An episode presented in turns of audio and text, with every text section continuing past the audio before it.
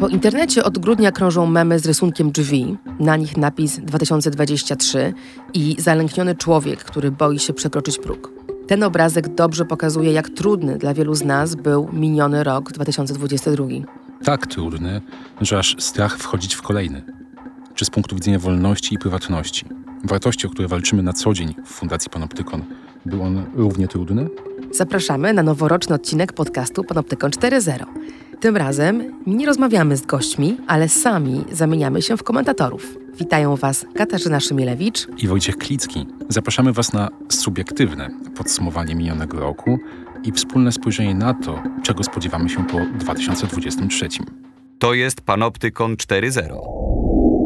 W lutym minionego roku Rosja spektakularnie rozszerzyła działania wojenne w Ukrainie i właściwie przez długi czas trudno było myśleć i mówić o czymkolwiek innym.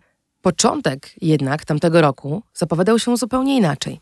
Nie wiem, Wojtku, czy jeszcze pamiętasz ten moment, bo rzeczywiście wydarzenia późniejsze przykryły nasze nadzieje, nasze oczekiwania. Wydawało się wtedy, że mamy szansę przewalczyć coś ważnego. I to właśnie to coś ważnego było związane z regulacją służb specjalnych, prawda, Wojtku? Tak, kiedy teraz, już z perspektywy czasu minionego roku, patrzę na styczeń 2022 roku, widzę jeden wielki napis Pegasus. Wszyscy żyliśmy aferą Pegasusa, bo i ona na to zasługiwała. Stawki, jakie ona pokazywała, były tak ogromne, że mam poczucie, że w całej opinii publicznej, wśród polityków, wśród dziennikarzy, wśród aktywistów, było takie dojmujące przekonanie, że dość. Dla mnie najlepsze. Że coś się przeważyło. Tak, że coś się przeważyło i jednak trzeba zmienić sytuację. Inwigilacja za pomocą Pegasusa senatora Brazy dla mnie jest takim y, czynnikiem, bo pokazuje, że stawką nie jest już tylko i aż prywatność, ale także wolne wybory. To był pierwszy raz w Polsce, w nowoczesnej historii Polski, kiedy doszło do stwierdzonej obiektywnie inwigilacji opozycji? To pierwszy raz tak jednoznacznie potwierdzony, przy czym Brejza dzisiaj jest senatorem, wtedy był, kiedy podczas inwigilacji był szefem sztabu Koalicji Obywatelskiej, co w jasny sposób pokazuje, że ci, którzy go inwigilowali, mieli przewagę.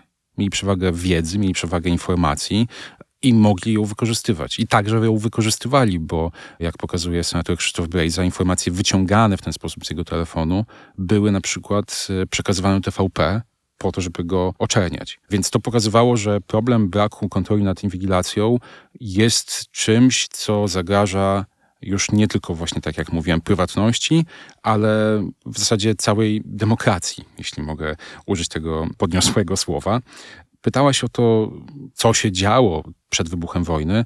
Pamiętam, że wtedy mm, wykonywaliśmy bardzo dużą pracę, w której próbowaliśmy debacie, jaka się toczyła wokół Pegasusa, nadać jak najbardziej merytoryczny charakter, żeby nie była ona takim symbolicznym okładaniem się pałkami pomiędzy władzą a opozycją. Kolejną komisją śledczą, jakich wiele w Polsce widzieliśmy. E, no trochę tak, żeby to nie było tak, że wy nas, a oni ich i, i tak dalej, tylko żeby tutaj było jasny przekaz. Pegasus jest narzędziem totalnej, stałej, bardzo głębokiej inwigilacji.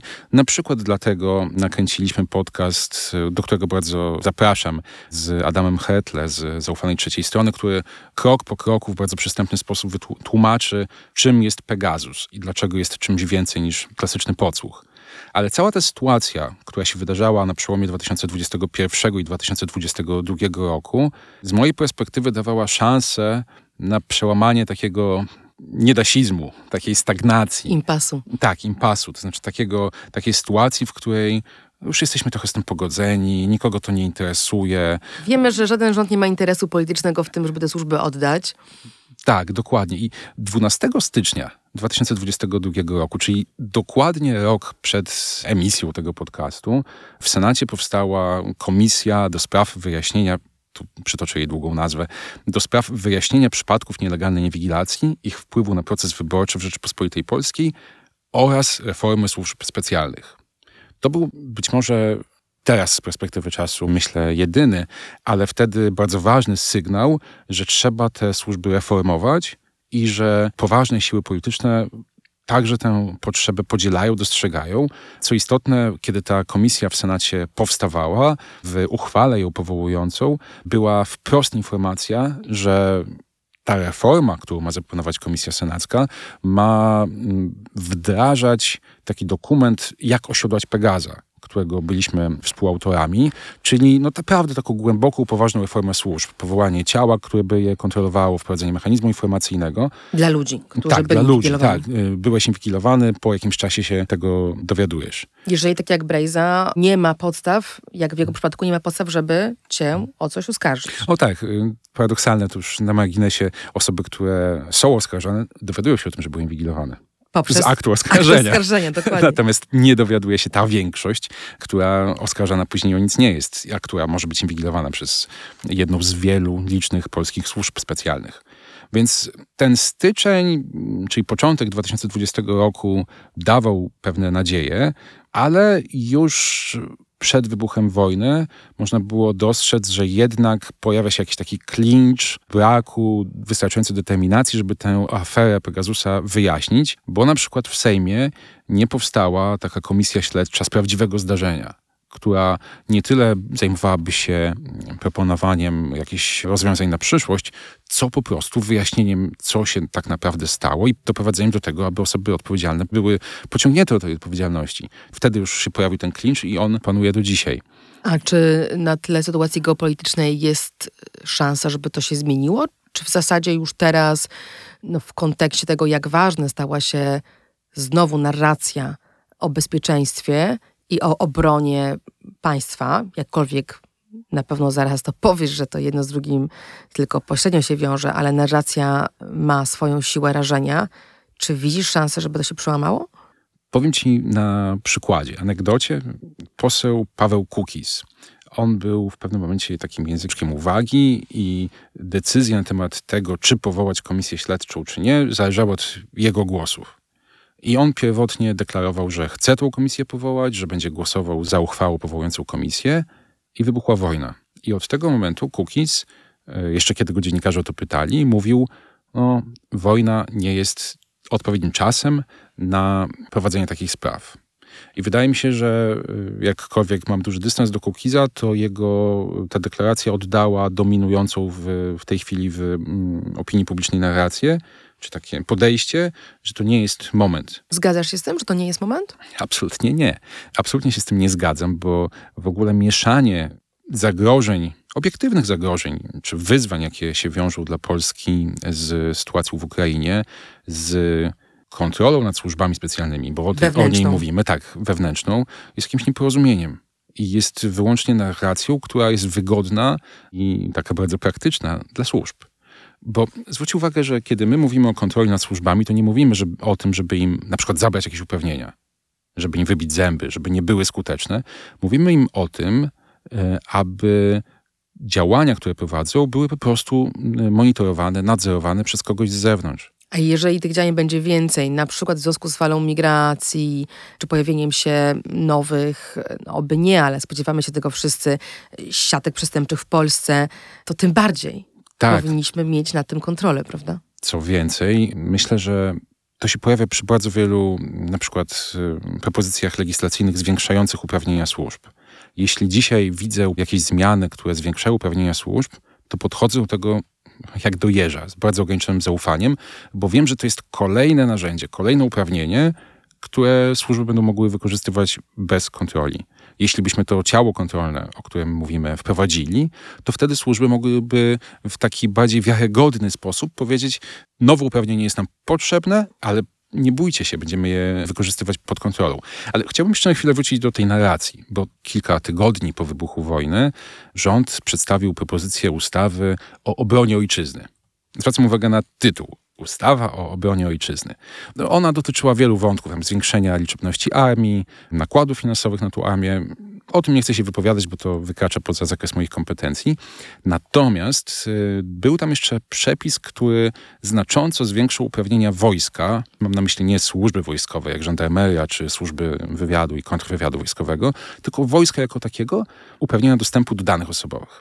No, może w jakichś sytuacjach ten dostęp jest potrzebny, no ale my napisaliśmy wtedy opinię prawną do tego, w której zaproponowaliśmy nie tyle odebranie tego dostępu, co wprowadzenie jakichś tam drobnych mechanizmów kontroli wewnątrz wojska. I na komisjach sejmowych w Sejmie cała opozycja te nasze propozycje popierała. One przepadły bodaj 12 do 11, przegraliśmy te poprawki. Ale co się wydarzyło później? Liczyłem na to, że w Senacie mm, ten wątek wróci, no bo w Senacie opozycja ma większość, ale nie. Okazało się, że nikt tego tematu nie podniósł. Dlaczego? Bo trzeba byłoby zagłosować przeciwko ustawie o obronie ojczyzny. Wyobrażasz sobie? Politycznie nie do wyobrażenia w tym tak, momencie. no co by TVP powiedziało? Więc to jest przykład tej narracji, która Coś się tak by bardzo powiedziało. zmieniała. Tego możemy być pewni. Hmm, czyli jeśli chodzi o, o, o tę sferę kontroli nad działaniami nadzorującego państwa, ten rok, który się zaczął, nie wróży najlepiej. Ja też myślę sobie o tym, że w kontekście wojny, agresji rosyjskiej, która też zapewne nie skończy się w tym kwartale, będziemy mieli kolejne momenty zdania sobie sprawy z wszechwładzy platform internetowych. One też były bohaterem ubiegłego roku. Dla mnie osobiście szczególnie ważnym, bo byłam zaangażowana w próbę uregulowania ich działań na poziomie Unii Europejskiej. Sporo w podcaście mówiłam o, o, o tym temacie. Tu też mogę odesłać do kilku, myślę, całkiem udanych odcinków i z politykami. Róża Tun była moim gościem, Michał Boni, były już polityk PO, który tę sprawę obserwował z bliska w Brukseli. Też gościem naszym był minister Janusz Cieszyński, który tłumaczył, jak Polska ma zamiar wdrażać nowe unijne prawo w kontekście platform internetowych i właśnie w kontekście agresji rosyjskiej, bo to był ten moment, kiedy wszyscy zobaczyliśmy po raz kolejny, tak jak w pandemii, nastąpił kolejny moment takiej soczewki, która unaoczniła nam problemy, które istniały długo, długo wcześniej, ale nagle stały się bardzo wyraźne, że oto w momencie kryzysu, chaosu informacyjnego, wojny informacyjnej, motywowanej konkretnymi interesami geopolitycznymi, państwa są bezradne. Nie są w stanie zatrzymać fali dezinformacji, nie są w stanie wyciąć z internetu kont sponsorowanych przez rosyjskie służby, które tę dezinformację skutecznie sieją, a która eskaluje, której wpływ eskaluje w bardzo konkretne akty przemocy, czy no, ruchy społeczne, które obserwowaliśmy w Polsce w tej pierwszej fazie wojny, no, choćby w Przemyślu, prawda? I, i te momenty wzmożenia e, polskiego nacjonalizmu były dla nas no, ówcześnie przerażające. Teraz ten dystans jest większy, ale tamten moment był naprawdę krytyczny. I co się okazało? Co się wydarzyło? Być może nie pamiętacie tego, bo to taki, taki drobny polityczny gest, ale ja pamiętam, bo mnie to poruszyło. Premierzy czterech państw, w tym Polski, zaapelowali do szefów czterech największych platform, czy też mediów społecznościowych, YouTube, Twitter, Google jako wyszukiwarka i Meta, Facebook, żeby im pomogli, żeby coś zrobili. Dla mnie to był sygnał, że coś ważnego przegrywamy, że ci, którzy powinni walczyć w Brukseli w tym samym czasie o lepszą regulację tychże platform, oddają pole w próbie regulowania ich, a proszą ich o pomoc w momencie, kiedy czują się zagrożeni. I no, to pokazało, gdzie my na tej szachownicy jesteśmy i jak ta sytuacja jest alarmująca. Jednocześnie takich przykładów działań platform pokazujących ich władzę było dużo więcej. No, choćby to, że platformy uznały, że nie będą moderować gruźb śmierci w pewnym momencie pod adresem Putina, bo trochę nie wypada, a przecież wcześniej blokowały Trumpa, który podważał wyniki wyborów w Stanach Zjednoczonych. No i blokowały go słusznie.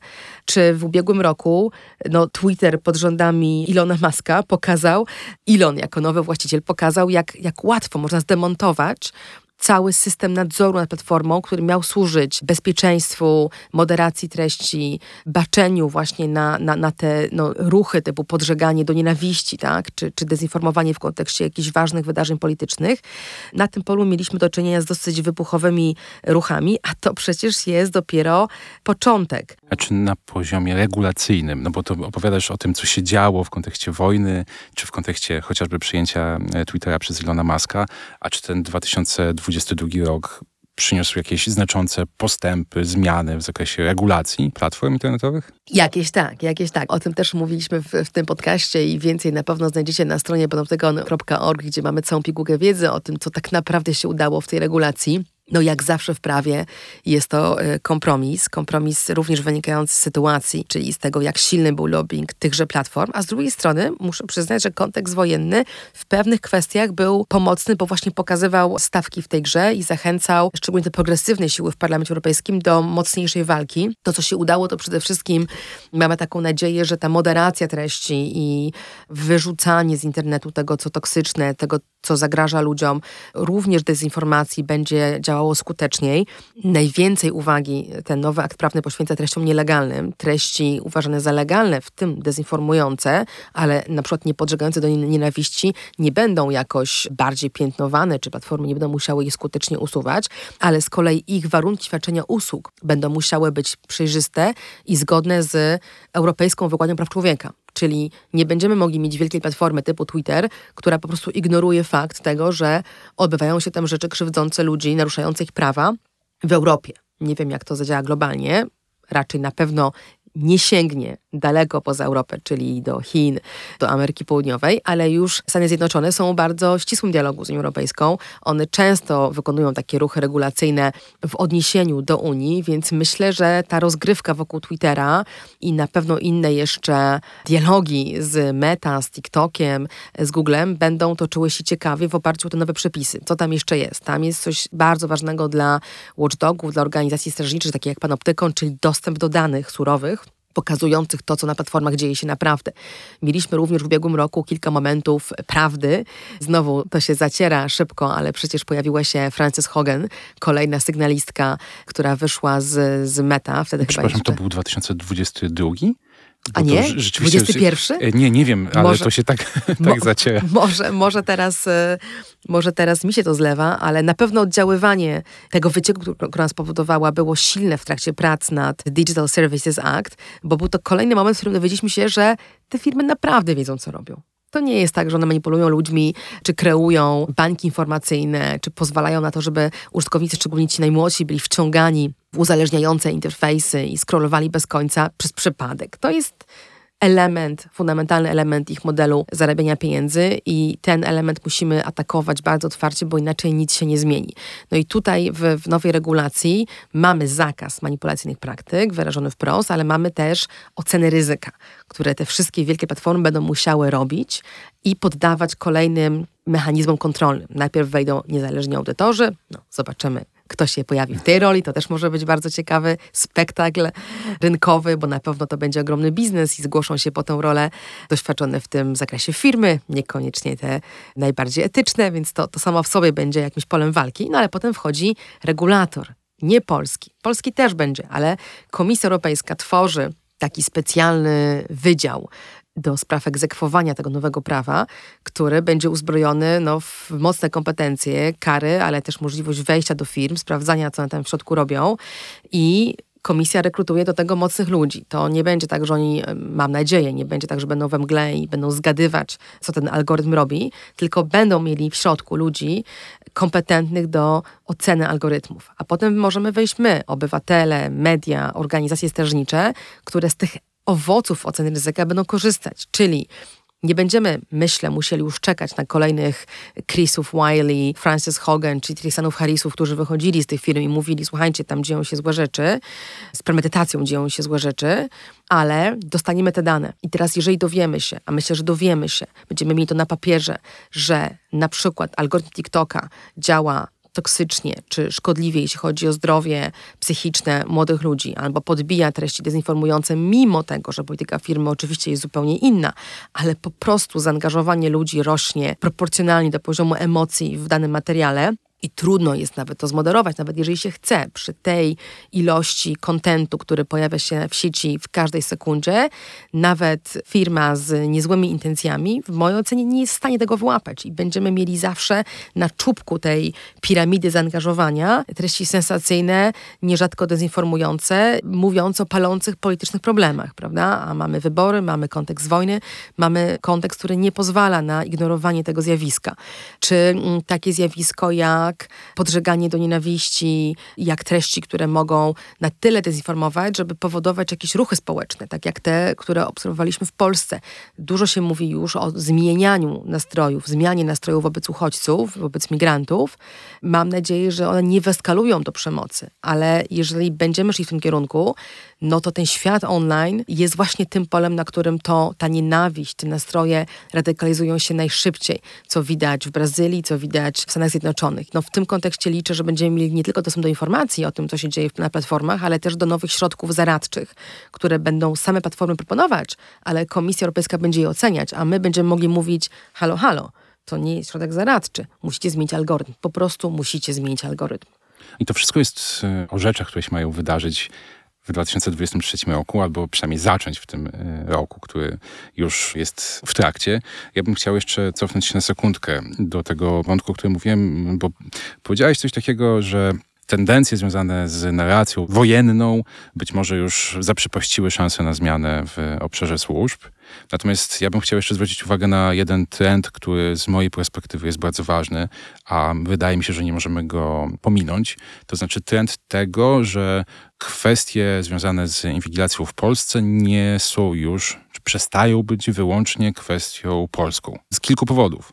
Po pierwsze, dlatego, że Europejski Trybunał Praw Człowieka rozpatruje sprawę, w której oboje zresztą jesteśmy skarżącymi, także znamy ją od podszewki. Sprawę, w której e, zapadnie, mam nadzieję, w 2023 roku wyrok, który zobowiąże Polskę do wprowadzenia zmian w tym obszarze. No, a drugi wątek taki międzynarodowy czy zagraniczny związany z polską inwigilacją to jest jednak fakt, że Pegasus jest e, tematem prac także Komisji Śledczej Parlamentu Europejskiego, która pracuje nad tą sytuacją, opracowuje raporty, spotyka się z osobami, które na przykład miały do czynienia z Pegasusem, miała swoją delegację do Izraela nawet, gdzie spotkali się z producentami Pegasusa, z firmą NSO, widzieli czy rozmawiali z ludźmi w Hiszpanii, w Grecji, także w Polsce. I ich wstępny raport zawiera rekomendacje związane z działaniem systemów inwigilacyjnych, rekomendacje zarówno dla państw członkowskich, jak i dla Unii Europejskiej bo nie możemy zapominać, że także na poziomie Unii Europejskiej pewne rozwiązania prawne, na przykład związane z dyrektywą, czy być może już rozporządzeniem i privacy, mogą ten, ten wątek trochę rozplątać i pomóc osobom takim jak my w walce z niekontrolowaną inwigilacją. No i wreszcie trzeci wątek to jest fakt, że coraz więcej osób podejmuje działania, aby do polskiej sytuacji inwigilacyjnej włączył się nie tylko Europejski Trybunał Praw Człowieka, który jest częścią Rady Europy i ma mniejsze, słabsze narzędzia takiej egzekucji, ale także Trybunał Sprawiedliwości Unii Europejskiej w Luksemburgu, który, jak powszechnie wiadomo, ma silniejsze narzędzia wpływu na, na państwa członkowskie Unii Europejskiej. Polska nie przestrzega przepisów unijnych związanych chociażby z retencją danych, zbieraniem informacji na temat każdego z nas. No, I mam nadzieję, że w 2023 roku ten problem trafi do TSUE. Natomiast wydaje mi się, że jest jedna rzecz, której e, nie możemy pomijać, myśląc o 2023 roku i rozmawiając o tym, co nas czeka, czyli wybory.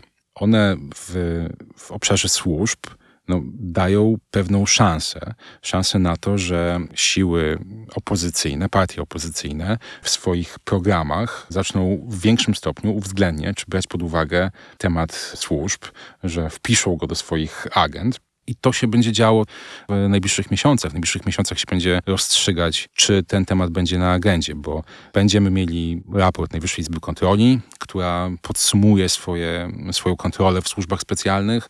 Będziemy mieli końcowy raport e, Komisji Senackiej. Będziemy mieli e, no, następne etapy pracy Komisji Parlamentu Europejskiego. Wreszcie będziemy mieli też jakieś efekty pracy panoptykonu, o których powiem może kiedy indziej. No i na jesieni mam nadzieję, że zmiany pójdą w takim kierunku, że powróci szansa na jakieś, e, jakieś rozwiązanie pozytywne tego problemu.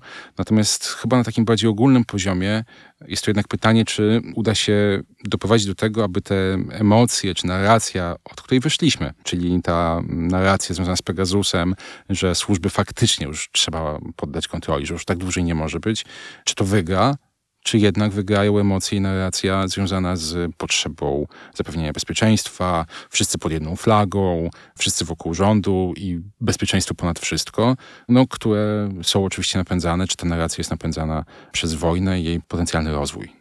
No ja bym najbardziej chciała tej trzeciej drogi, czyli zrozumienia rozgraniczenia, które ty dziś tutaj wyjaśniłeś, że jedno z drugim wiąże się wyłącznie na poziomie narracji, że na poziomie faktów my możemy mieć obie te rzeczy. Możemy mieć bezpieczeństwo państwa i wewnętrznie kontrolowane służby, ale to jest świetny przykład narracji, którą również napędzają mechanizmy działające na wielkich platformach internetowych, w mediach elektronicznych w ogólności, nie tylko na platformach, ale również poza nimi, czyli w mediach, które muszą grać w grę clickbait i w grę wyścig o sensację, bo inaczej w tych strumieniach aktualności po prostu spadają nisko a więc mamy to, co mamy, tak? Nawet jakościowe polskie media, zamiast tłumaczyć to tak jak ty dziś wyjaśniasz, powody, dla których powinniśmy zwiększać kontrolę nad działaniem państwa wewnętrznie, bo to tylko ułatwi nam, tylko podniesie naszą skuteczność w walce o bezpieczeństwo publiczne. Nikt tak nie pisze, nikt tak nie mówi, bo co innego grzeje ludzi, prawda? Grzeje emocje. Tu wracamy do tego drugiego wielkiego słonia w, w globalnym pokoju, nie tylko w Polsce, czyli właśnie władzy, władzy mediów elektronicznych, władzy platform, które te media rozgrywają. Na tym polu też możemy liczyć nie tylko na regulację unijną, o której mówiłam i to, że ona będzie jakoś egzekwowana, ale też na, na sądy. Na tym polu też czekamy na ważne rozstrzygnięcie właśnie w Luksemburgu, e, które ma dotyczyć reklamy, ale reklamy w zasadzie całego ekosystemu reklamy behawioralnej, reklamy profilowanej w oparciu o ludzkie zachowanie, który dzisiaj trzyma dwóch, taki duopól Google'a i, i IAB, czyli organizacji standaryzującej rynek reklamy behawioralnej. Z tego standardu wynika jedno. Można śledzić ludzi w oparciu o taką fejkową, pozorną zgodę, czyli to, że wszyscy klikamy jakieś tam okienka, żeby się ich pozbyć. Można ich śledzić. Mówię, można z niezgodą. Uważam, że nie można. My skarżąc ten stan rzeczy uważamy, że nie można, ale firmy cały czas brną w to, że a, to takie tam to nie jest naruszanie niczego. To w ogóle nie są dane osobowe, to są jakieś tam ślady, z których nic nie wynika, a na koniec jest ta reklama, której przecież każdy pożąda i pragnie. Reklama, która może być propagandą, która może być sponsorowanym tekstem, wcale nie musi być reklamą mydła. Ona coraz częściej jest istotną treścią, która wpływa na debatę publiczną, na jej kierunki i może być kupiona i jest często kupiona przez graczy w tej geopolitycznej walce o, o narrację właśnie.